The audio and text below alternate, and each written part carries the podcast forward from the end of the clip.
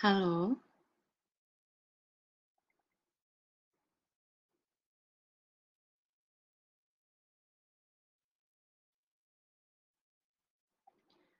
Oke, teman-teman.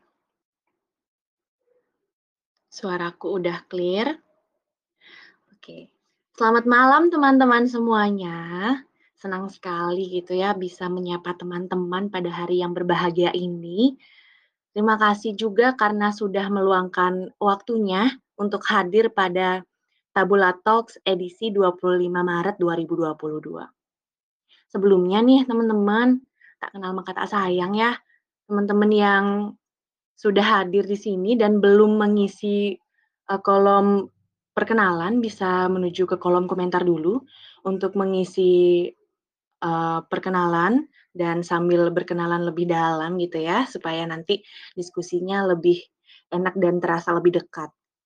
Sembari kita menunggu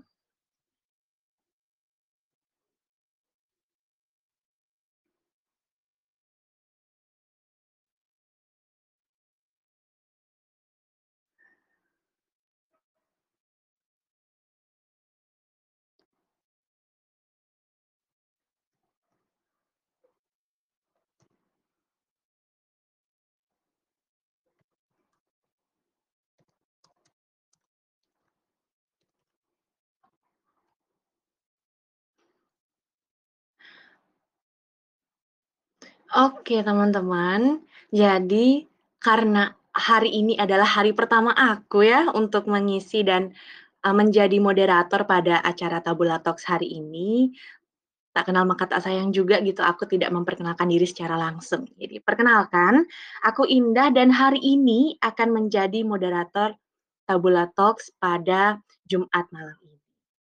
Nah, semoga semangatku hari ini, semangat pertama kali aku menjadi moderator hari ini bisa, eee, dirasakan juga sama teman-teman gitu ya untuk mengikuti Tabula Talks hari ini sampai sampai akhir sesi nanti.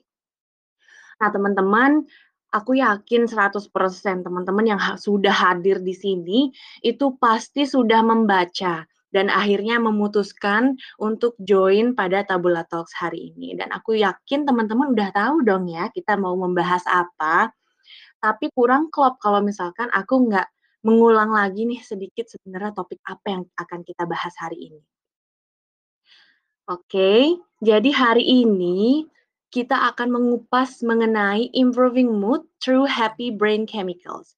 Nah, pastinya hari ini juga akan ditemani oleh narasumber yang kece, yang cakap, yang kompeten pada bidangnya. Cantik pula. Nah, sebelum kita mulai ke diskusi, aku akan memperkenalkan sedikit nih tentang narasumber kita hari ini.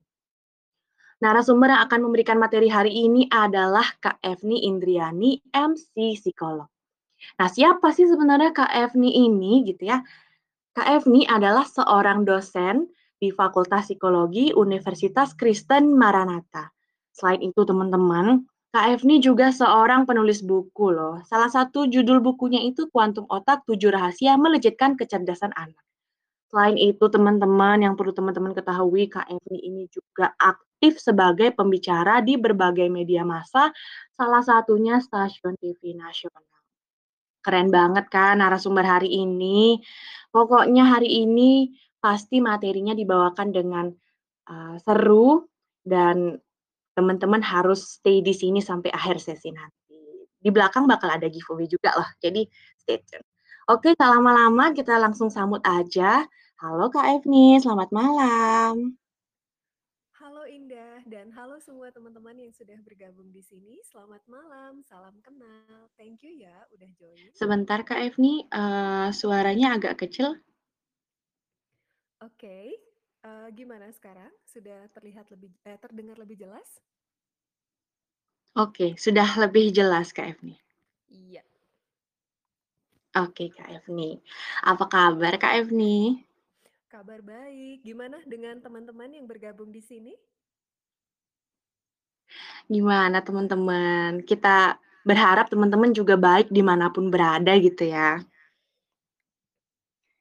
Oke Kak, jadi sebelum kita lanjut ke materi diskusi gitu Kak, Eee, Kakak bisa perkenalan diri dulu atau menyambut teman-teman yang sudah hadir pada acara Tabula Talks hari ini? Oke, baiklah. Terima kasih Indah dan teman-teman di Tabula. Ya, mmm, kalau perkenalan kayaknya tadi udah ya. Saya mau menyapa sedikit teman-teman yang bergabung di sini. Terima kasih sudah bergabung di sini dan saya senang sekali di sini kita bisa bertemu meskipun di sini ketemunya lewat suara. Dan tentunya kita akan belajar bersama di sini, kita akan happy bersama, dan kita sama-sama melangkah ke depan dengan hati yang lebih tenang. Tetapi semua itu tentunya akan terwujud kalau seandainya kita tahu apa yang terjadi pada fungsi kerja otak kita. Jadi kurang lebih seperti itu dari saya. Oke, terima kasih Kak Efni. Wah, pembukaannya aja itu udah kayak, aduh ini materinya pasti menyenangkan gitu ya. Oke Kak Efni, boleh aku lontarkan awal diskusi kita dengan pertanyaan Kak Efni? Oke, boleh banget ya. Silakan Indah. Oke, terima kasih Kak Efni. Nah, ada pertanyaan ada pertanyaan pembuka nih Kak Efni. Sebenarnya ya Kak Efni, apa aja sih brain chemicals yang utama gitu yang ada di otak kita? Kalau kita bicara tentang brain chemical, barangkali mungkin kita harus menyamakan persepsi dulu ya, teman-teman yang sudah bergabung di sini. Jadi, kita harus mengetahui bahwa otak manusia bisa bekerja dengan efektif karena memang ada komposisi-komposisi yang menyertai di dalamnya. Dan ternyata komposisi di dalam itu mengandung unsur-unsur kimia dan unsur listrik. Nah, yang akan kita bahas dalam kesempatan kali ini adalah kita berbicara mengenai unsur kimia dari fungsi kerja otak kita. Ternyata otak kita itu sangat dahsyat, bisa menghasilkan brain chemical atau unsur-unsur kimia tergantung dari situasi yang kita hadapi dan juga tergantung dari apa yang kita pikirkan. Dan ternyata ini juga bisa bolak-balik ya teman-teman ya. Jadi bahwa ketika kita melakukan sesuatu ternyata otak bisa memproduksi brain chemical. Nah, jadi secara umum yang akan kita bicarakan di sini kurang lebih ada empat nih, yang simple aja.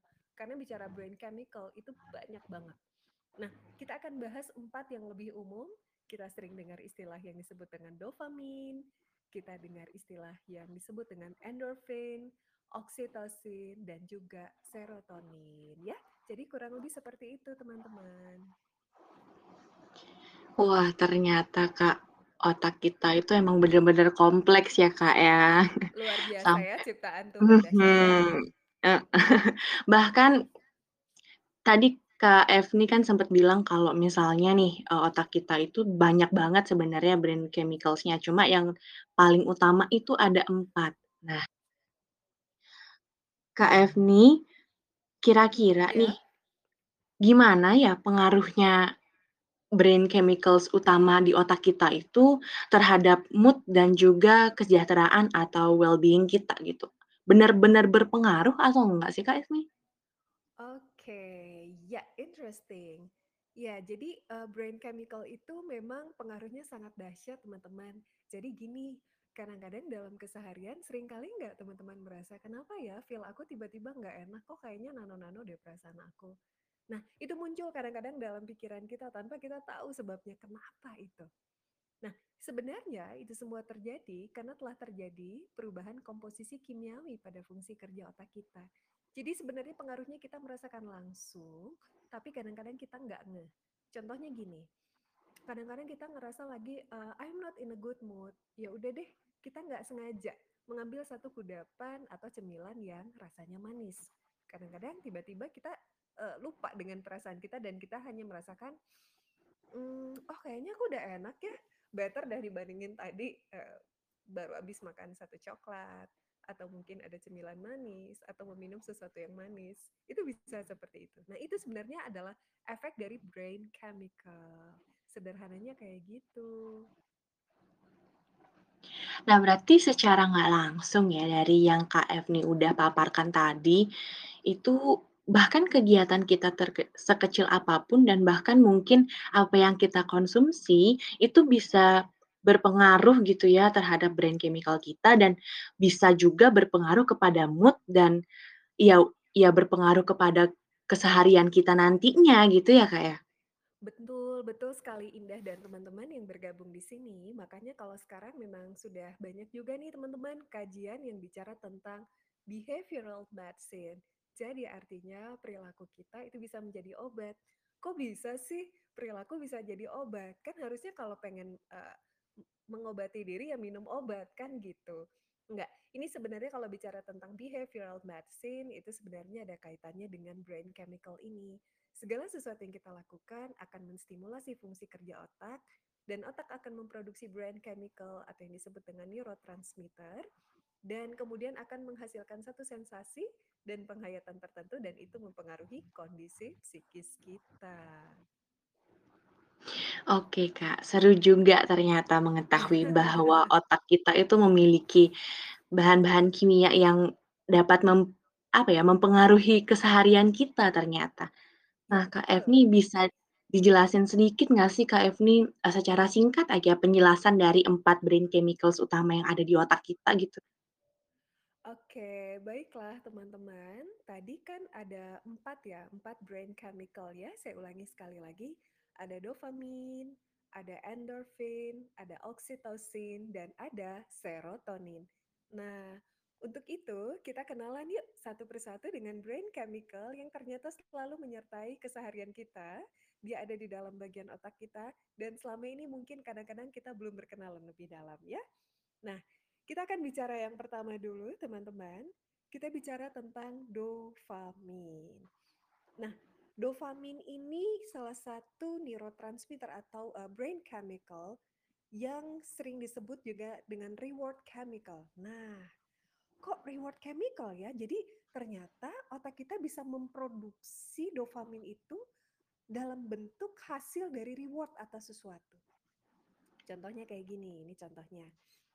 Beberapa studi menemukan bahwa ternyata salah satu uh, aktivitas sederhana yang bisa mengaktifasi dopamin kita adalah ketika kita memakan sesuatu yang sifatnya manis. Nah, jadi kita harus tahu dulu, nah kenapa ya kalau manis itu menghasilkan dopamin? Nah, dopamin ini merupakan salah satu uh, bentuk dari brain chemical yang bisa memunculkan perasaan senang. Ya, jadi dopamin itu membuat kita bisa merasa senang, merasa enjoy atas segala sesuatu dan dopamin ini juga punya manfaat loh ya. Nah, jadi makanya salah satu cara untuk stimulasinya itu adalah dengan memakan makanan yang manis. Nah, tapi barangkali mungkin teman-teman boleh dieksperimenkan juga. Kalau kita ngaca, barangkali kita lihat wajah kita masing-masing, ya kita mengasumsikan diri kita manis, naik nggak dopaminnya? Kalau kalau aku Kak, mmm, naik sih Kak, kan aku percaya diri ya, ya, mhm. oke self love ya, mencintai diri Iya. sendiri ya, mhm. Oke, ya dalam konotasi positif. Jadi gitu teman-teman, brain chemical pertama dopamin ya, itu adalah, uh, chemical atau unsur kimiawi yang ada di otak tadi yang memunculkan perasaan joy, senang. Nah, jadi makanya memang kalau berkaitan dengan makanan ya kadang-kadang gini, ini dalam pengalaman saya juga nih teman-teman, ketika saya menangani pasien-pasien saya, kadang-kadang gini, salah satu pasien yang datang ke hospital di tempat saya praktek, itu kadang-kadang tidak selalu berkaitan dengan mental health juga sih, tetapi karena di sana saya itu uh, ngeblend ya satu uh, menjadi satu manajemen dengan divisi yang berkaitan dengan slimming center. Nah, penurunan berat badannya ada kaitannya juga nih sama dopamin. Jadi, gini, um, ketika kadang-kadang seseorang berusaha untuk mengurangi uh, berat badan sampai ke level yang dia anggap ideal ya. Kadang-kadang tidak hanya sekedar untuk penampilan, kadang-kadang menurunkan berat badan itu memang atas suggestion dari tim dokter ini berkaitan juga dengan kesehatan loh ya. Mm-mm. Jadi ada kaitannya seperti itu. Nah, makanya kadang-kadang saya nanya gini, eh uh, habit atau kebiasaannya apa gitu dalam keseharian berkaitan dengan makan. Oh iya, saya kalau lagi cemas, saya lagi panik, saya lagi nggak enak, saya makan katanya. Bahkan kadang-kadang dia melakukan bing eating, makannya itu malah menjelang tidur. Jadi ngemil ya, ngemilnya itu di atas jam 8 malam. Dan berbagai cemilan disediakan di kamar tidur. Sebenarnya bukan karena kelaparan, tapi secure feelingnya didapat dari dia makan. Dan dia merasa joy, senang. Ya. Nah, itu sebenarnya tadi ketika kita memakan sesuatu itu memang otak akan memproduksi dopamin. Jadi makanya kadang-kadang tantangan terbesar adalah ketika kita ingin meregulasi perilaku makan, kalau tadi yang kaitannya untuk lose weight ya, nurunin berat badan, uh, gimana ya, aku kan suka makan. Ya, emang iya, makan itu salah satu cara untuk menaikkan dopamin, gitu ya. Jadi ini menjadi pengetahuan kita bersama juga dan sekaligus saya ngomong di sini juga untuk mengingatkan diri saya gitu ya. Karena ya makan itu memang sesuatu yang menyenangkan karena uh, otak akan memproduksi dopamin. Nah, selain itu, dopamin juga kan bisa diproduksi teman-teman. Kalau misalnya teman-teman berhasil menyelesaikan sebuah tugas. Contohnya gini nih, ini adalah Jumat malam weekend. Finally, aku bisa menyelesaikan semua tugas, apakah itu tugas kuliah, apakah pekerjaan kantor, ataupun berbagai tanggung jawab. Lega deh rasanya. Nah, itu dopamin juga dikeluarkan. Ya, kemudian uh, dopamin juga dikeluarkan uh, ketika kita melakukan hal-hal yang sifatnya um, berkaitan dengan merawat diri gitu ya atau berkaitan dengan kepedulian itu bisa juga. Nah, jadi itu dia kenalan pada salah satu dofa, uh, brain chemical kita yang pertama yang kita sebut dengan dopamin. Kurang lebih gitu sih. Ya. Nah, sekarang kita akan lanjut um, kenalan dengan brain chemical kita yang kedua ya teman-teman, endorfin. Bicara tentang endorfin, ini kajian-kajiannya sudah banyak. Bahkan salah satu dokter di Jepang, yaitu dokter Shigeo Haruyama, memang mengkhususkan diri untuk mempelajari lebih dalam tentang endorfin ini. Nah, jadi dopamin sama endorfin ada bedanya. Kalau dopamin itu memunculkan perasaan pleasure ya, kenikmatan, kemudian joy, senang. Dan memang hati-hati juga dengan dopamin ya teman-teman. Karena kalau dopamin itu banjir diproduksi oleh otak, itu adalah cikal bakal dari munculnya adiksi. Adiksi akan sesuatu. Contoh, habis belanja gitu ya rasanya senang, joy ya. Kan tadi kan memenuhi hal-hal yang kita inginkan. Makan, oh banjir dopaminnya.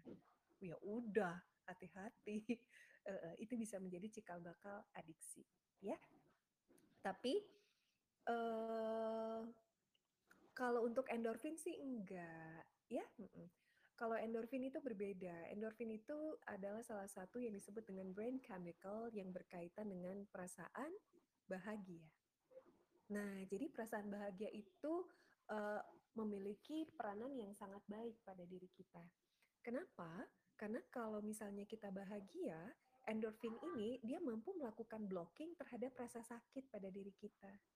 Ya. Jadi makanya gini ini salah satu contoh ya. Ini uh, mungkin uh, berkaitan juga dengan kalau kita melihat uh, pada orang-orang atau pada seorang ibu pasca melahirkan, melahirkan itu adalah proses antara hidup dan mati.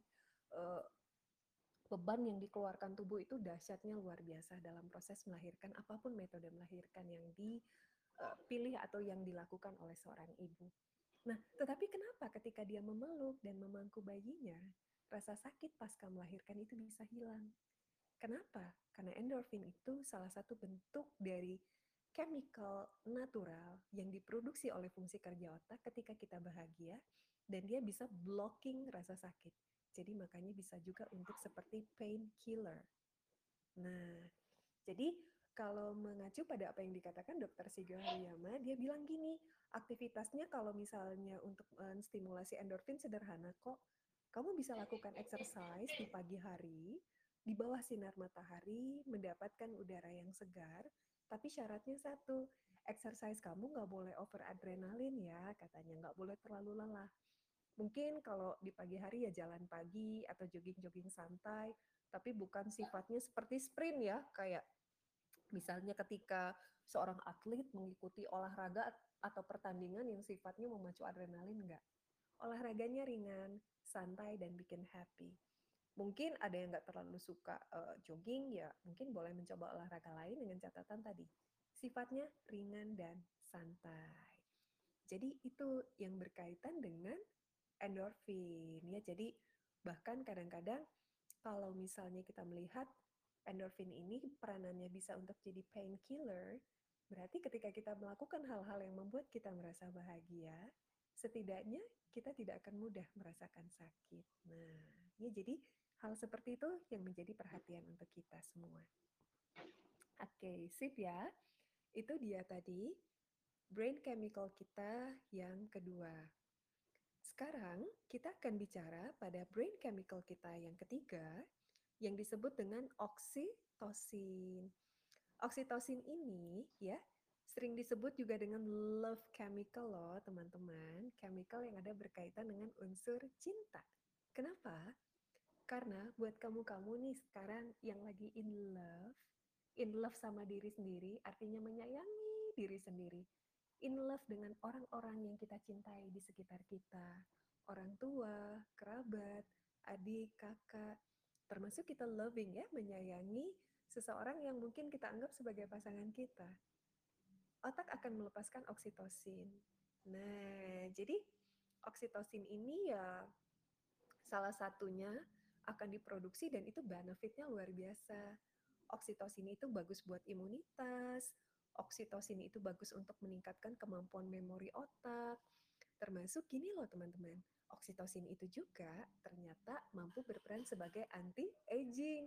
Nah, jadi selain dari skincare ataupun hal-hal yang kita lakukan untuk membuat kita menjadi lebih awet muda, oke, okay, mari kita membangkitkan rasa cinta kita.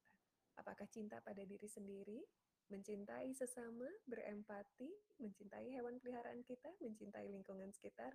Jadi temanya adalah all about love ya. Itu untuk oksitosin.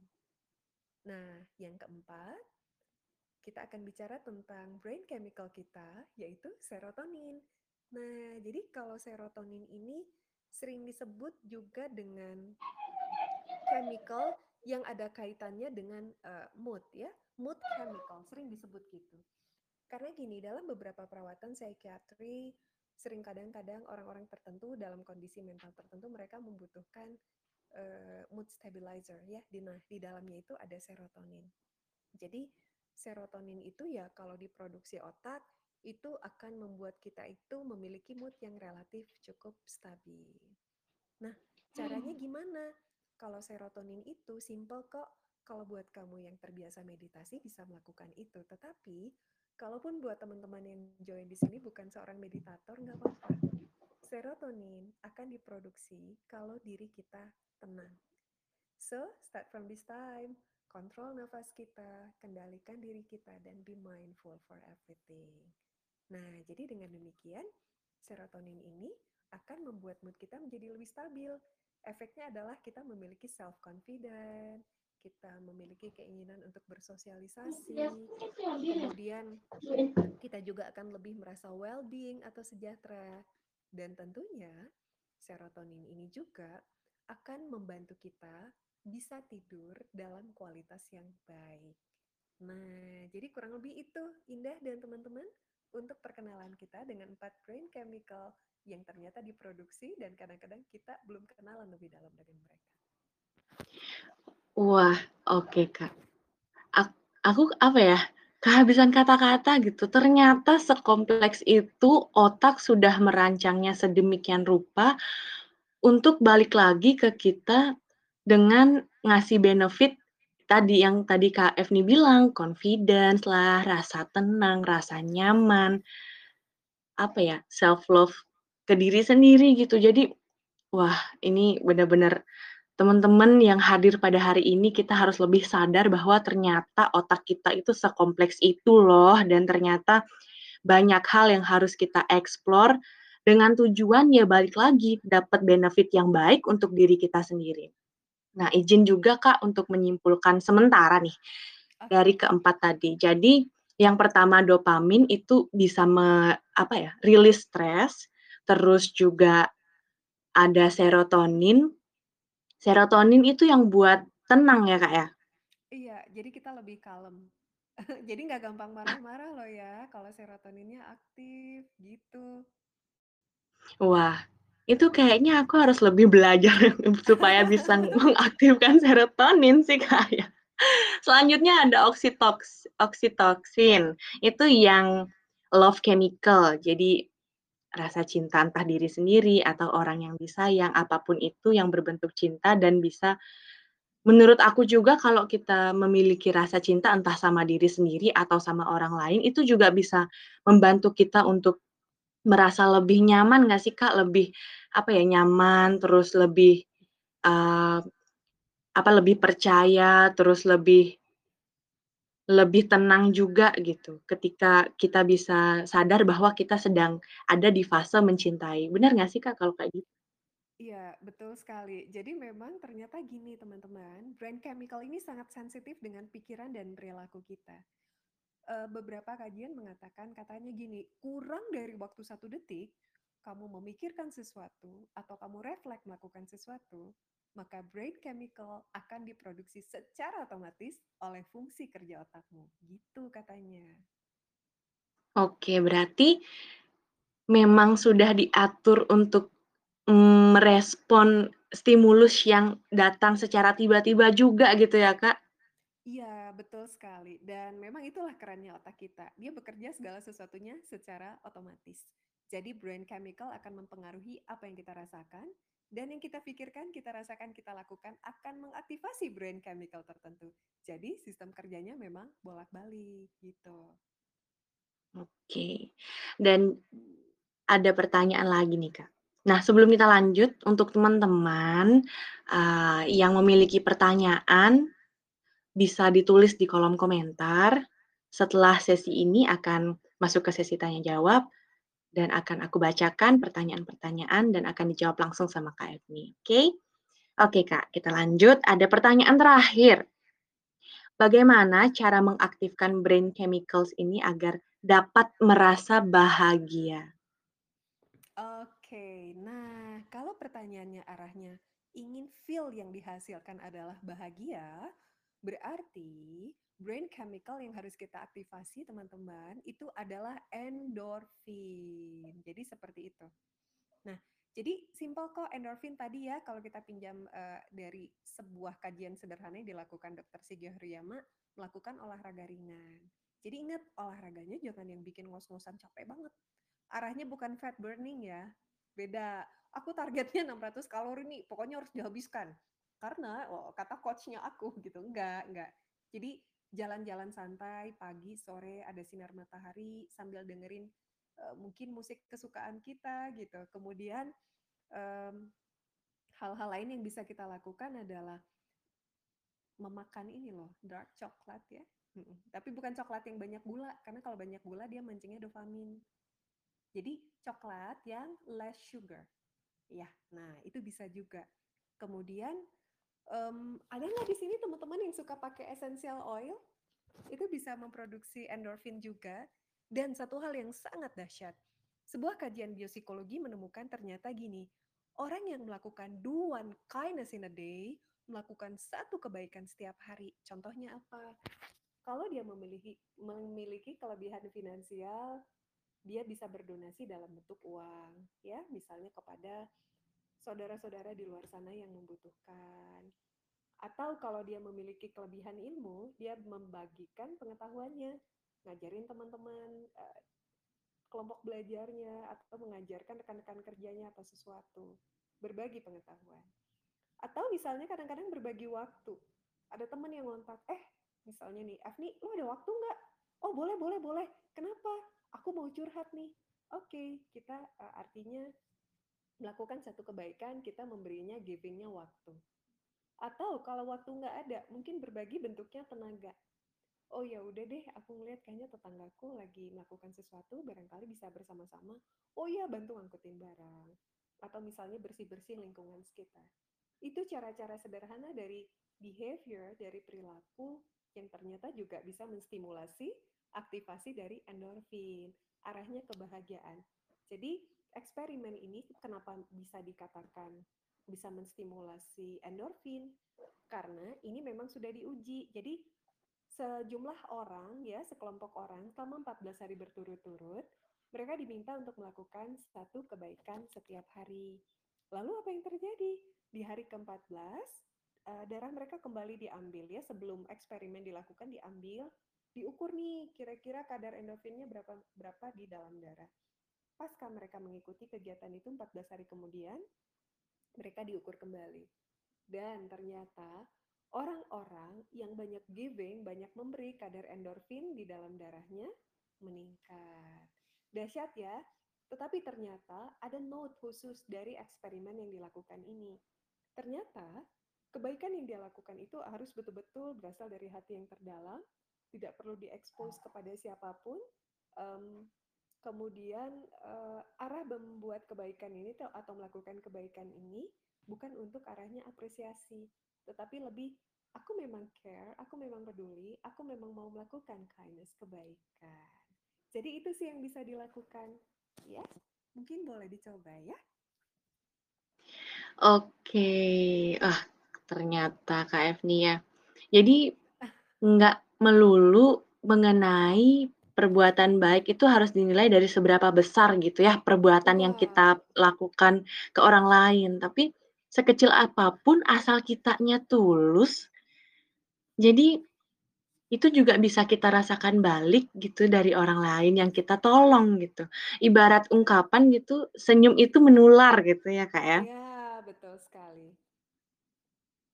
Nah, ternyata oke balik lagi aku bener-bener yang, wah ternyata ya insight hari ini banyak sekali, ternyata sekompleks itu otak kita ternyata sudah menyusun um, chemical-chemical-nya dia sampai akhirnya itu bisa juga memberikan efek pada kita. Nah, kalau dari kalau dari Kak Efni sendiri nih, itu biasanya yang mana sih yang paling sering Kak Efni sadari untuk Kak Efni aktifkan gitu brain chemical-nya?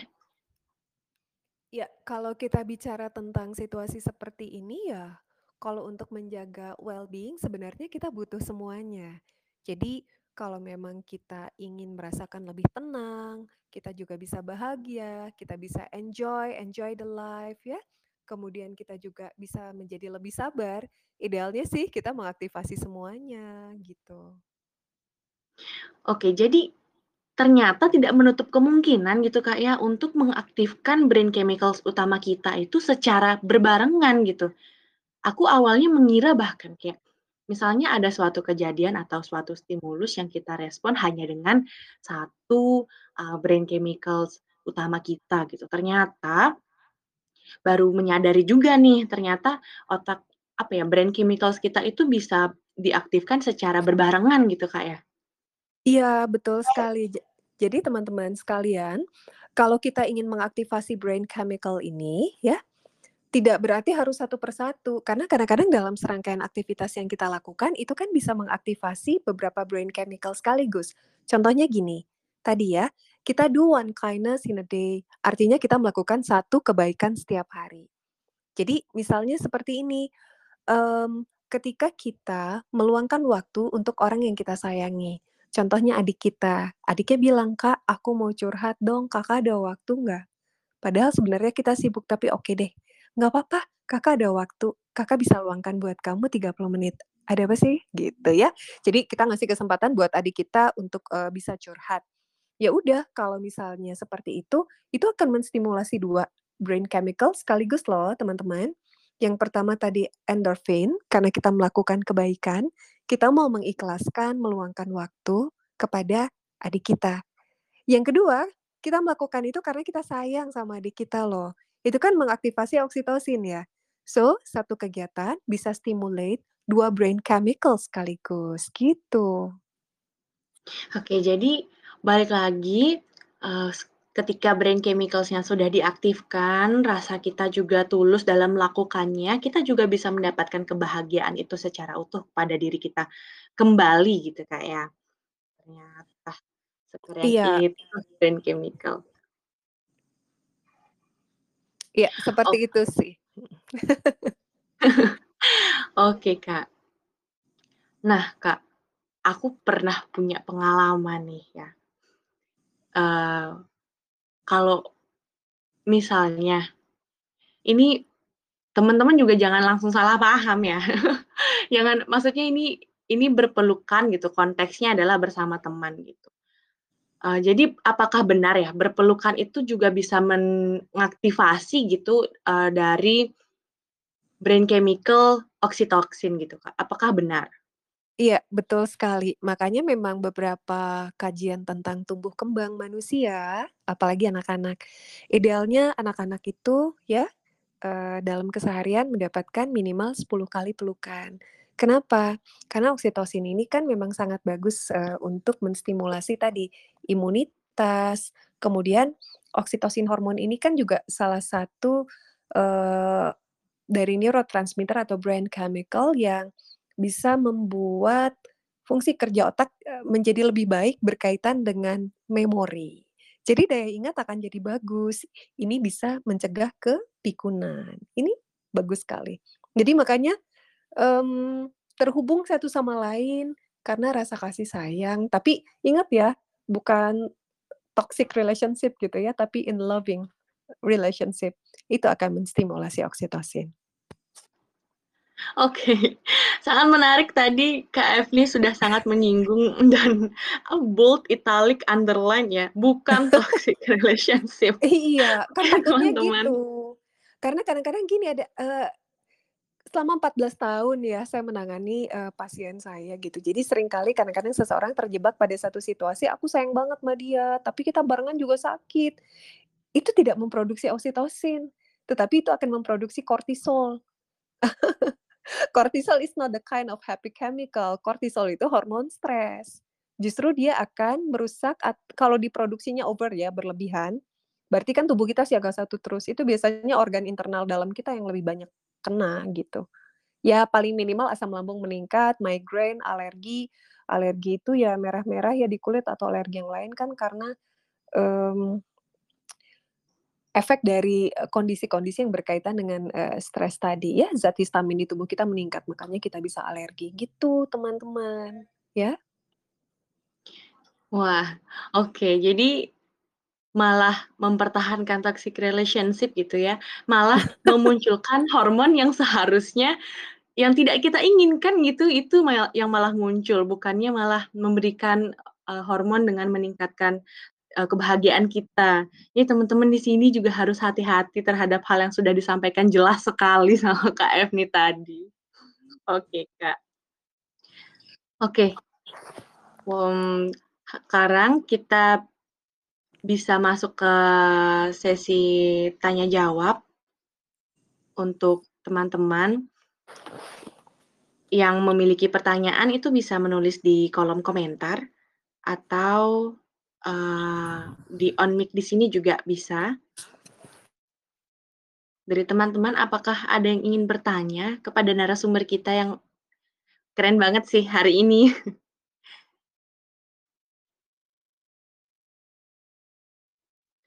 Oke, Kak, sambil nunggu nih Iya, eee, ya saya aja dulu yang nanya gitu, Kak, ya. Nggak apa-apa sih, misalnya kadang-kadang berandai-andai aja, kalau ada seseorang padahal curhat.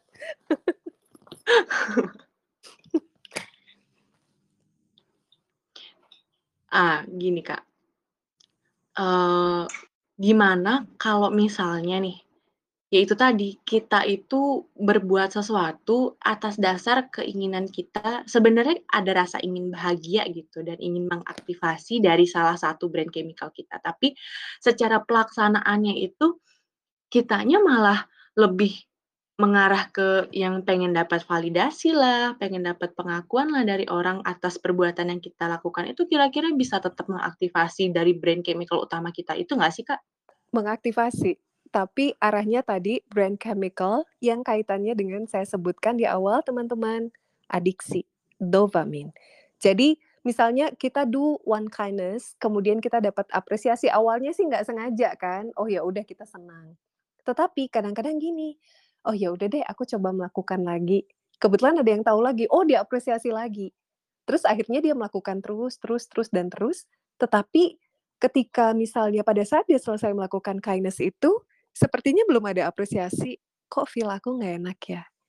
Itu rela eee, relasi atau kaitannya adalah dengan dopamin. Dopamin kita butuh ya teman-teman ya, karena dengan adanya dopamin membuat kita bisa semangat, ya menjalani aktivitas keseharian, menjalani hidup. Makanya pada mereka yang depresi, level dari dopaminnya itu biasanya drop, turun banget. Nah, biasanya akan diberikan ya eee, medical prescription atau resep obat-obatan yang membantu untuk menaikkan dopamin tadi. Tetapi over dopamin itu juga memicu adiksi, gitu. Oke nih, Kak Efni. Nah Kak, kalau kebalikannya nih, Kak, misalnya kayak, apa ya, orang-orang yang depresi itu, kan Kakak tadi sempet bilang kalau misalnya orang-orang yang depresi itu eee, dia cenderung, tidak, apa ya, brain chemicals utamanya itu dia rendah banget. Nah, kira-kira apa sih hal pertama yang mungkin kita bisa bantu untuk membantu dia mengaktifasi dari brain chemicals utamanya dia gitu, Kak? Iya, jadi kalau misalnya nih kita melihat ya, seseorang yang depresi itu memang dopaminnya pasti turun, tapi nggak cuman sekedar dopamin, tapi serotoninnya juga ikut terganggu, oksitosinnya juga. Jadi kalau pada orang yang depresi, sebenarnya yang mereka butuhkan adalah kehangatan dan kasih sayang, itu aja dulu. Misalnya sebagai sahabat, sebagai orang-orang terdekat kita ada di sana. Karena pada orang yang depresi, itu nggak mempan kalau diberikan advice atau nasehat. Karena memang, eee, untuk mengaktifasi dari, eee, brain chemical-nya bukan advice kan, bukan nasehat, tapi kehangatan, kasih sayang, perhatian. Nah, jadi kemudian eee, akhirnya secara perlahan-lahan ya, barulah setelah itu kita ajak dia untuk keluar dari lingkungan yang tertutup. Biasanya depresi itu kadang-kadang kalau ekstrimnya dia nggak pengen ada cahaya, mengurung diri, menutup diri. Yuk, ajak dia setidaknya, "Yuk kamu keluar dari rumah, menikmati udara di sekitar, eee, tempat tinggalmu dan dapat matahari." Kan tadi dapat matahari pagi hari itu kan akan menstimulasi lahirnya endorfin, ya. Jadi bahagianya dulu dinaikkan, kemudian dia bisa menikmati kebersamaan, dan kemudian diberikan makanan yang berkaitan dengan stimulasi dopamin tadi, ada unsur manisnya tapi jangan over, sedikit ya, lebih bagus manis yang didapatkan natural dari buah-buahan. Kemudian setelah itu ya, kita terus memberikan pendampingan dan juga mendapatkan perawatan dari professional help. Jadi gitu sih. Oke, Kak, thank you banget atas jawabannya, Kak. Ternyata nih ada juga yang sangat excited untuk bertanya langsung, Kak. Eee, untuk Kak Nadia Septiani. Bisa on mic.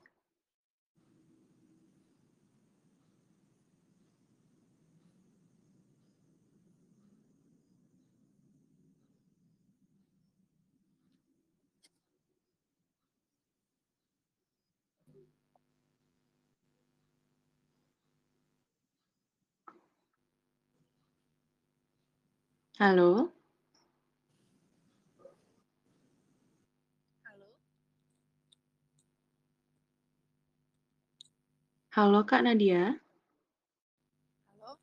Iya, Kak. Kedengeran nggak suaranya, Kak? Mmm, bisa diperjelas lagi sedikit, Kak? Halo? Iya, Kak. Oke, selamat malam, Kak Nadia. Selamat malam, Kak. Halo, iya. Apakah happy brain chemical itu kayak misalnya kecemasan gitu ya, Kak, ya, kecemasan atau, eee, panic attack itu bisa mempengaruhi kondisi fisik gitu, kayak misalnya, eee, keliengan atau sakit kepala gitu atau, eee, jantung berdebar-debar gitu. Itu mempengaruhi nggak, Kak? Maksudnya itu kayak, anxiety kita tuh bisa kebawa di fisik kita? Fisik kita, Kak. Oke. Kak Efni, halo Kak Efni? Hai, halo halo. Bisa Oke, Kak dengar Efni? suara aku? Bisa, Kak. Heeh. Takutnya kecil juga entar. Silakan dijawab, Kak Efni. Oke, ya tadi pertanyaan dari Kak Nadia ya, berkaitan dengan kecemasan. Iya, Kak. Jadi memang. Kecemasan Iya, itu kan berarti kita itu sedang over kortisol, over adrenalin dan, Mhm. eee, brain happy chemical-nya lagi low, lagi turun. Nah, itu memang ada, karena Mmm. kalau pada saat kita cemas, yang diproduksi tubuh itu yang lebih banyak itu adalah, eee, hormon stres, kortisol tadi. Nah, seperti yang kita tahu bahwa hormon stres itu memang memiliki efek pada tubuh karena beberapa kajian di bidang biopsychology banyak sekali mereka menemukan ketika orang berada dalam situasi cemas terus-menerus, otak akan menerjemahkan bahwa tubuhnya berada dalam ancaman siaga satu. Nah, ketika otak menerjemahkan seperti ini, seluruh bagian tubuh yang lain akan siap-siap. Jadi kalau otak menerjemahkan, oke, okay, kondisi siaga satu, semua organ tubuh tuh langsung ready, siap-siap. Um, kemudian di bagian digestif ya pencernaan asam lambung ditingkatkan karena tubuh akan menerjemahkan kalau siaga satu ya itu berarti sama dengan ancaman bakteri atau virus. Jadi harus ready. Nah, kemudian bagian-bagian tubuh yang lain itu akan diaktifasi. Makanya kalau pada saat kita cemas itu akan memicu apa yang disebut dengan psikosomatik. Ya, hmm, gangguan iya, fisik karena efek dari kecemasan yang kita miliki. Tergantung secara genetik orang yang bersangkutan kira-kira mengalami uh, lemah di bagian apa. Jadi kurang lebih seperti itu. Jadi hmm. apakah kadang-kadang dia mengalami lemah di bagian kulit, mungkin bisa alergi kulitnya akan kambuh, atau misalnya dia bisa lemah di bagian fungsi syaraf otak, mungkin bisa uh, migraine, kadang-kadang ekstrim bisa iya, vertigo, atau barangkali mungkin kadang-kadang lemah di bagian pencernaan itu ya bisa berkaitan juga dengan tadi terganggunya fungsi pencernaan, asam lambung meningkat, ekstrimnya kadang-kadang bisa sampai ke GERD ya, gangguan-gangguan seperti itu. Iya. Kurang lebih sih seperti itu. Jadi ada banget efeknya. Pantesan Kak, soalnya kan semalam ya aku tuh seminggu ini tuh memang kayak ngerasa cemas gitu. Mm -mm. Terus kayak di bagian belakang kepala aku tuh kayak berat banget gitu kayak terus kayak sampai ke leher gitu terus aku hmm. mikir kayak apa ini sakit apa ya gitu? terus karena kan udah panik gitu ya kayak ya. langsung kepikiran mau MRI saking saking panik. Iya iya. I feel you so much Nadia. Karena yeah. uh, pengalaman saya menangani pasien saya di hospital banyak yang seperti itu. Jadi gini kadang-kadang uh, dia dia bawanya nggak cuma MRI hasil MRI iya, terus EKG Iya, medical check kemarin up. kayak dia ngerasa sakit, uh -uh, iya, tapi sebenarnya aku udah uh -uh, udah empat kali EKG, udah. USG ini juga cuma yang kepala ini belum kak. Maksud aku kayak ya ampun, mm -mm. gini banget maksudnya sampai gitu. Oke, okay, I feel you. Jadi kondisi seperti itu makanya membuat kita kadang-kadang jadi panik ya, semakin panik mm -hmm, karena bener. kita bertanya-tanya.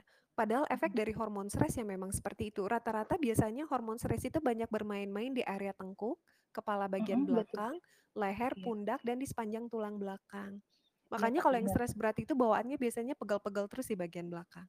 Itu yang terjadi. Hmm, iya. Menurut kakak, eh, perlu nggak sih kak aku ke psikiater gitu? Iya, uh, mau ke psikiater atau ke psikolog boleh, tapi kadang-kadang hmm. kalau seandainya seperti ini, um, coba ke psikolog dulu. Karena kalau saya lebih menyarankan tahap pertama, lebih baik iya. terapinya itu bentuknya psikoterapi. Jadi artinya tanpa dibantu obat-obatan terlebih dahulu ya. uh-uh. Kemudian kalau memang situasinya sudah gawat darurat, artinya membutuhkan stimulasi yang lebih lanjut dan wah kondisinya kayaknya harus uh, ditangani lebih nih. Ya udah, berarti mungkin butuh mendapatkan penanganan dari psikiatris atau psikiater. Biasanya hmm, dikasih anti cemas. Main-mainnya di uh, itu tadi lah ya, di brain chemical tadi. Karena iya, medical prescription atau resep obat yang diberikan pasti naikin ini, nurunin ini dan seterusnya. Itu tergantung dari hasil analisis yang dilakukan psikiaternya. Biasanya seperti itu. Iya, Kak. Iya. Makasih ya Kak ya atas sarannya. Oke, sama-sama. Cepat pulih ya Nadia. Iya, makasih Kak. Oke Kak Nadia, apa sudah cukup menjawab Kak Nadia? Iya, jawab sekali. Terima kasih Kak Indah, Kak Evni. Baik, terima kasih Kak Nadia. Oke Kak Evni, aku mau lanjut bacain ada pertanyaan di kolom komentar. Iya, oke. Apakah adiksi itu selalu bernilai negatif, Kak? Iya, betul sekali. Hati-hati karena gini, uh, beberapa kajian yang berkaitan dengan adiksi itu sering menyebutkan bahwa adiksi itu seperti sebuah siklus yang sulit diputuskan dan membuat otak kita akan craving for something. Jadi ngidam pengen banget tentang sesuatu dan kalau hal itu tidak dipenuhi, kalau misalnya bahasa adiksi obat-obatan ya dalam pengalaman saya menangani teman-teman yang adiksi drugs itu disebut sakau ya. Jadi badannya bisa sampai ber, apa gemeteran, kepalanya sakit, kayak orang kemasukan, kadang-kadang bisa seperti itu. Nah, tapi tergantung. Adiksinya dia artinya kondisi sakau tadi ya craving ngidam pengen banget otaknya harus dapat itu itu tergantung dari uh, apa uh, adiksi yang dia uh, apa ya maksudnya jenis adiksi apa yang sedang dia hadapi saat ini. Gitu gitu sih eh jadi kalau adiksinya drugs ya dia butuh substan dia butuh zat itu segera dan semakin lama otak akan semakin menolerir zat tersebut dan semakin lama dosis yang dibutuhkan akan semakin tinggi. Jadi makanya itu tadi kadang-kadang kita harus berhati-hati ya dengan apa yang kita konsumsi atau dengan zat tertentu. Biasanya sih seperti itu ya. Jadi itu untuk Salma yang menanyakan adiksi. Ya. Oke, Kak. Berarti memang apa ya? Lebih bisa untuk menimbulkan uh, adiksi itu dapat memberikan dampak yang negatif gitu, Kak ya. Iya, betul sekali. Karena kalau sudah adiksi artinya kita sulit menahan otak berkeinginan atas sesuatu yang berkaitan dengan adiksi tadi. Tergantung ya, adiksi belanja, adiksi obat-obatan, atau misalnya adiksi zat atau makanan tertentu. Ya, bahkan mohon maaf kadang-kadang bentuknya disorder ada uh, sexual disorder ya, hypersex itu juga salah satu jenis dari adiksi. Ya jadi tergantung banyak banget jenisnya teman-teman. Oke, terima kasih Kak Evni. Sekarang mau beralih lagi ke penanya Kak Rina. Boleh dibantu untuk unmute?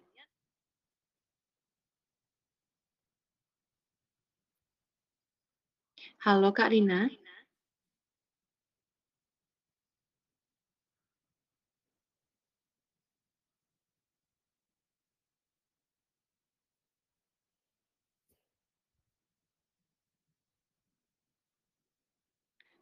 Oke. Apabila Kak Rina belum ada, kita berlanjut ke pertanyaan kembali lagi nih di kolom komentar oleh Kak Alfadila Marwanda Putri. Kak, apakah menurut Kakak fenomena yang sedang hangat dibicarakan saat ini yaitu depresi seorang ibu hingga tega membunuh anaknya ada kaitannya dengan materi kali ini yaitu kurangnya rasa bahagia. Menurut ibunya, tujuan membunuh anaknya karena tidak ingin anaknya nggak bahagia di dunia. Terima kasih sebelumnya, Kak. Oke, terima kasih Alfadila untuk pertanyaannya. Memang ulasan tentang ini sudah sempat saya tuliskan di salah satu uh, berita ya dari rekan-rekan jurnalis yang menghubungi saya. Mereka nanya KF ini kenapa, KF ini kenapa. Jadi gini, sebenarnya orang jatuh uh, anggaplah berada pada sada, pada satu kondisi mental disorder tertentu ya atau gangguan mental itu tidak terjadi secara tiba-tiba.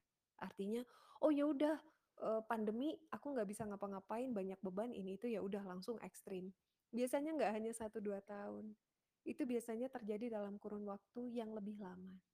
Terjadinya efek kumulatif dari problem-problem kehidupan yang dijalani dan itu tidak diselesaikan dan itu memicu jadi stres berat. Jadi kalau seseorang yang sedang stres berat ya kalau diperiksa dengan berbagai uh, biopsychological device di alat kita bisa ngecek itu banyak tumpukan emosi-emosi negatif.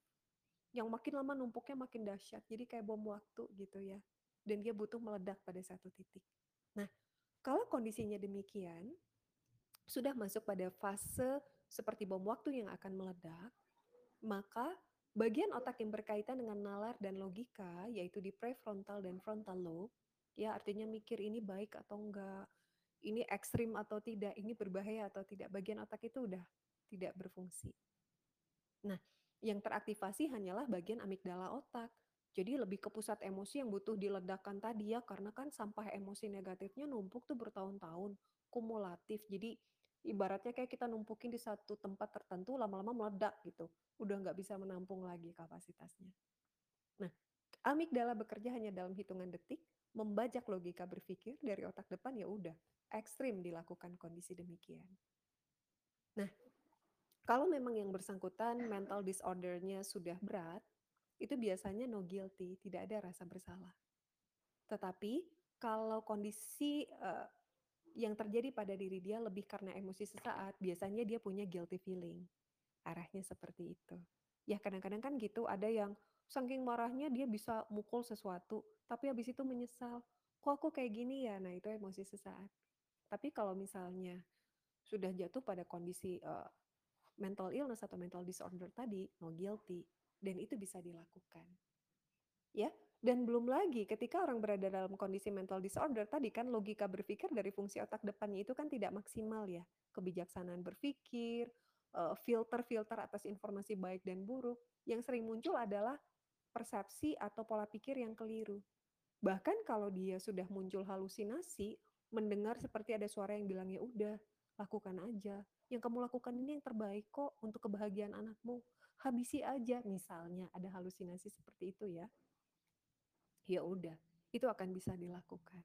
Jadi makanya kalau case seperti ini kan artinya tim ahli harus memastikan dulu kondisi kesehatan mental dan kondisi kejiwaan dari orang yang bersangkutan.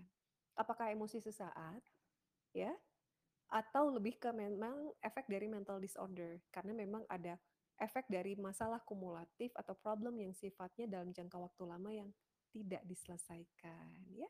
Jadi itu ya Fadila. Oke Kak, berarti selain kita dapat menyadari bahwa otak kita itu memiliki happy brain chemical, yang harus kita sadari juga bahwa kita itu tidak boleh menyimpan emosi atau perasaan-perasaan negatif secara berlebihan, karena itu bisa memungkinkan kita menempatkan diri kita pada posisi yang tiba-tiba dia boom, meledak gitu Kak ya. Iya, betul sekali. Itu yang harus kita waspadai ya, karena kalau kondisinya sudah seperti itu, uh, sering kali kan um, efeknya sudah terjadi baru baru ini ya, baru uh, kita menyadari atau menyesali. Ya, itu kan udah fatal, artinya kejadiannya sudah terjadi. Oke deh Kak. Oke teman-teman semua, berhubung sudah jam 8 WIB, jadi untuk sesi pertanyaan kita tutup dan tapi masih ada satu pertanyaan yang tersisa nih Kak. Oke, nggak apa-apa. Oh, oke, ada ya. dua, baru masuk lagi satu. Oke, dari uh, atas nama CK. Halo Kak, saya ingin bertanya, kecanduan sosial media apakah itu akibat dari kebanjiran dopamin yang kita dapatkan dari sosial media dan menyebabkan adiksi? Lalu aku tahu ada dopamin detox. Bagaimana cara kita melakukan dopamin detox ya Kak? Terima kasih Kak. Oke, ya, thank you uh, eh, CK ya, ini nyebutnya. Ya betul sekali ketika kita, uh, mendapatkan apresiasi ya secara terus-menerus, kemudian ada satu kenikmatan atau, uh, kesenangan tertentu yang kita dapatkan dari sosial media itu memang mengaktifasi dopamin. Nah, jadi ya dopamin detox itu sebenarnya gini, dopamin itu kan kita butuhkan karena kalau nggak ada dopamin, orang kan bisa masuk situ uh, dalam kondisi depresi ya, low bad kan. Jadi dopamin dibutuhkan tapi kadarnya tidak berlebihan ya, jangan over. Nah, jadi kalau misalnya kondisi seperti ini memang ya butuh dopamin detox. Biasanya kalau dalam perspektif behavioral medicine, um, untuk dopamin detox itu misalnya dia nggak pakai substan ya obat-obatan, dia berarti harus meriset perilakunya dan itu memang butuh dibantu juga. Contoh tadi, ya kalau yang bikin dia itu adiksi adalah kecanduan sosmed, berarti kan harus ada social media detox ya. Itu yang perlu dilakukan. Jadi misalnya dalam satu minggu itu memang kalau untuk uh, dopamin detox jangan ekstrim. Tadinya aktif tuh 24 jam sehari, 7 hari seminggu, 30 hari sebulan, 365 hari setahun on. Setiap saat uh, apa pun yang ada di feed nggak pernah kelewat. Nah, berarti kan harus dikurangi. Misalnya per tiga hari dia detox, dia off dulu main sosmednya, per tiga hari off dulu. Oke. Okay. Kemudian nanti uh, biasanya pada saat off itu kan dia gelisah, dia bingung, kayak ada yang dicari. Nah gitu, itu kalau udah adiksi tuh kayak gitu. Aduh kayak ada yang kurang gitu, bingung gitu, gelisah. Jadi dilatih dulu per 3 hari off per 3 hari off. Nanti kalau sudah lebih nyaman tambah lagi. Sampai pada satu tik 1 minggu. Dan kalaupun dia mau main sosmed nanti dimulai lagi dalam 1 minggu itu 1 hari dulu, 2 hari dulu. Ya, dan nanti diatur jamnya. Jadi memang ada modifikasi dari behavior, dari perilaku. Itu kalau pakai perspektif behavioral medicine. Ya, itu caranya untuk dopamine detox. Jadi nggak ada salahnya juga kok memang kadang-kadang kita sosmed detox. Saya juga melakukan itu. Jadi artinya um, apa pun tidak hanya sosmed ya. Jadi ketika melakukan segala sesuatu saya mulai eh asik nih. Jangan sampai over ya. Kita harus self control. Kita harus sadar oke okay, berarti saya ada libur dulu satu hari. Ya uh, sosmed holiday one day terus nanti ada lagi kayak gitu. Jadi uh, balancing dari activity dan mengatur sedemikian rupa itu biasanya membuat kita tidak sampai pada kebanjiran dopamin. Itu buat si K yang bertanya ya. Oke Kak, jadi tadi yang bertanya itu namanya Kak Cut Kairunisa. Oh. Makanya tadi ada singkatan Siki gitu. Keren. Oke, jadi intinya pada dopamine detox itu kita mulai ada proses kontrol dan pembatasan ya Kak. Meski bukan meng, apa ya menghilangkan perilaku tersebut, hanya saja ada kontrol terhadap uh, ya perilaku itu Kak ya. Betul sekali ya dan memang kalau untuk detox jangan sekaligus ya karena otaknya akan craving, ngidam pengen, bingung, gelisah, nanti bisa uring-uringan. Ya, jadi jangan ekstrim pelan-pelan. Oke Kak Evni, ini satu pertanyaan lagi Kak Evni. Oke, ya. Dari Kak Bet. Halo Kak, mau tanya, tadi Kak Evni menyebutkan kalau adiksi juga bisa disebabkan dengan hal yang berbau seksual. Apakah adiksi tersebut berpengaruh dengan otak dan hormon pada tubuh kita? Dan mungkin apakah ada saran agar tidak memicu atau bahkan menghilangkan adiksi tersebut, Kak? Terima kasih, Kak. Oke, thank you Bet yang bertanya ya. Jadi memang betul adiksi itu bisa ada kaitannya dengan uh, seksual ya, makanya ada sexual addictions ya dan memicu seseorang menjadi hypersex. Jadi biasanya sejak usia dini dia sudah terpapar dengan informasi dan stimulus yang berbau seksual. Itu biasanya kadang-kadang bisa seperti itu ya. Berpengaruh nggak? Iya. Karena pada saat orang mendapatkan kenikmatan melakukan hal-hal yang berkaitan dengan seksual, itu akan memproduksi dopamin, balik lagi sih. Ya. Jadi banjir dopamin. Jadi pada satu titik otaknya akan langsung ngasih signal, eh ini uh, dopaminnya udah mulai berkurang nih, um, mana lagi mana lagi gitu ya, uh, diproduksi lagi gitu. Ya udah dia melakukan lagi terus terus terus menjadi sebuah aktivitas yang sulit untuk dihentikan ya. Jadi ya kadang-kadang kalau memang sudah ekstrim ya sexual addiction itu penanganannya interdisipliner. Jadi tidak hanya dengan psikolog atau psikiatris, tetapi dari dokter yang mengerti sistem hormonal, ya androlog ataupun kadang-kadang dari objin juga boleh, itu akan diberikan obat untuk sedikit mengurangi seksual drive-nya. Ya, diturunkan pelan-pelan, pelan-pelan. Dan di dan dimodifikasi behavior-nya. Jadi artinya behavior memodifikasi behavior itu artinya menyelamatkan orang ini dari situasi gitu ya atau stimulus-stimulus yang bisa memancing dorongan seksualnya over kembali. Jadi itu biasanya interdisipliner ya, memberikan rehabilitasinya kondisinya seperti itu. Ya jadi sama aja kayak rehabilitasi kalau orang drugs addiction atau adiksi narkoba kan interdisipliner kan. Ya, jadi untuk sexual addiction juga seperti itu. Ya jadi makanya kalau untuk dari memodifikasi perilaku artinya kita boleh minta bantuan dari seseorang yang kita percaya yang bisa membantu kita untuk menyelamatkan kita dari stimulus-stimulus yang berkaitan dengan seksual ya apakah mungkin ya apakah ini orang-orang IT barangkali ngerti ya sistem di handphonenya atau ada hal-hal yang berkaitan dengan seksual gitu ya itu akan langsung di blocking gitu ya. Ya banyak cara yang bisa dilakukan. Intinya tadi kalau dalam menjalani rehabilitasi atau pemulihan kondisi seperti itu eh, dia harus diselamatkan dulu dari stimulus-stimulus seksual. Misalnya ya biasanya dari film ataupun gambar atau games yang berkaitan dengan seksual yang gitu-gitunya di, diawasi dulu Gitu, buat bed ya. Baik Kak, terima kasih atas pemaparan dan materinya yang keren banget hari ini, karena kita juga udah sampai di akhir sesi Kak. Sebelum menutup sesi kali ini, apakah Kak Evni ada kalimat penutup? Oke, baiklah. Buat semua teman-teman yang bergabung di sini, don't worry, be happy bahwa kadang-kadang memunculkan kekhawatiran pada diri kita bahwa, aduh aku harus mengaktifasi brain chemical yang mana. Percayalah bahwa fungsi kerja otak manusia sudah diciptakan dengan sangat rapi dan dahsyat oleh sang pencipta, sehingga bisa akan memproduksi brain chemical yang kita butuhkan.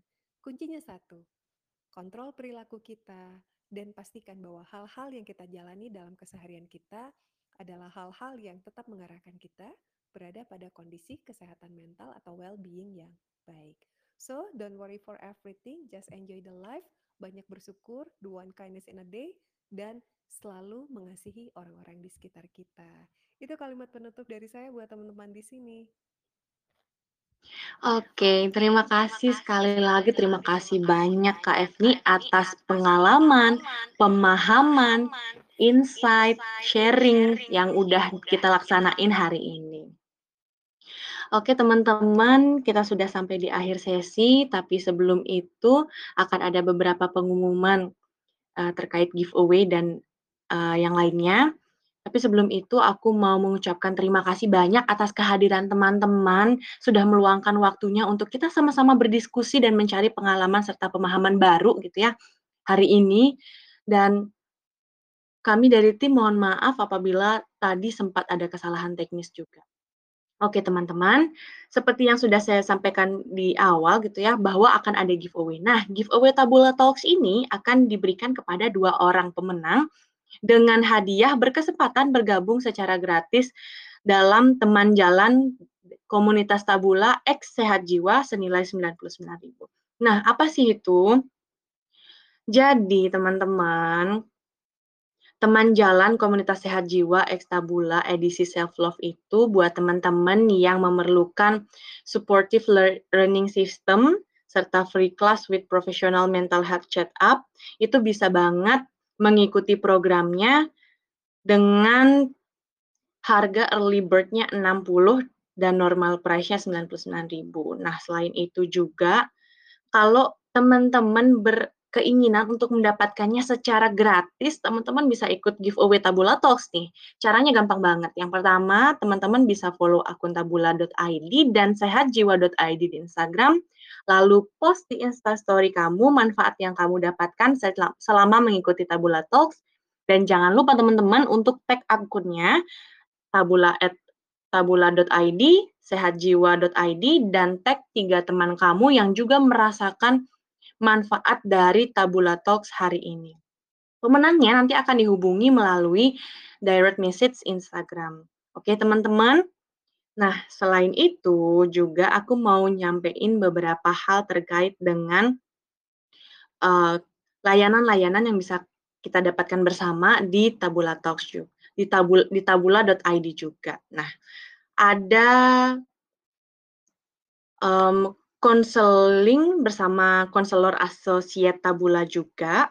Jadi siapa pun untuk teman Tabula yang pengen nih pergi ke konselor profesional, dan pengen nyoba gitu, itu bisa melalui tabula.id dengan nanti programnya akan aku share setelah Tabula Talks ini selesai. Oke teman-teman, sekian Tabula Talks hari ini. Dan oh ya, terakhir aku hampir lupa. Untuk e-sertifikatnya nanti akan aku share dan bisa diisi sampai maksimal jam 12 malam hari ini. Oke teman-teman, jadi terima kasih sekali lagi sudah bisa hadir dan meluangkan waktunya di hari Jumat ini. Semoga kita bisa sama-sama mengambil pemahaman dan insight dari apa yang sudah kita diskusikan hari ini. Terima kasih teman-teman.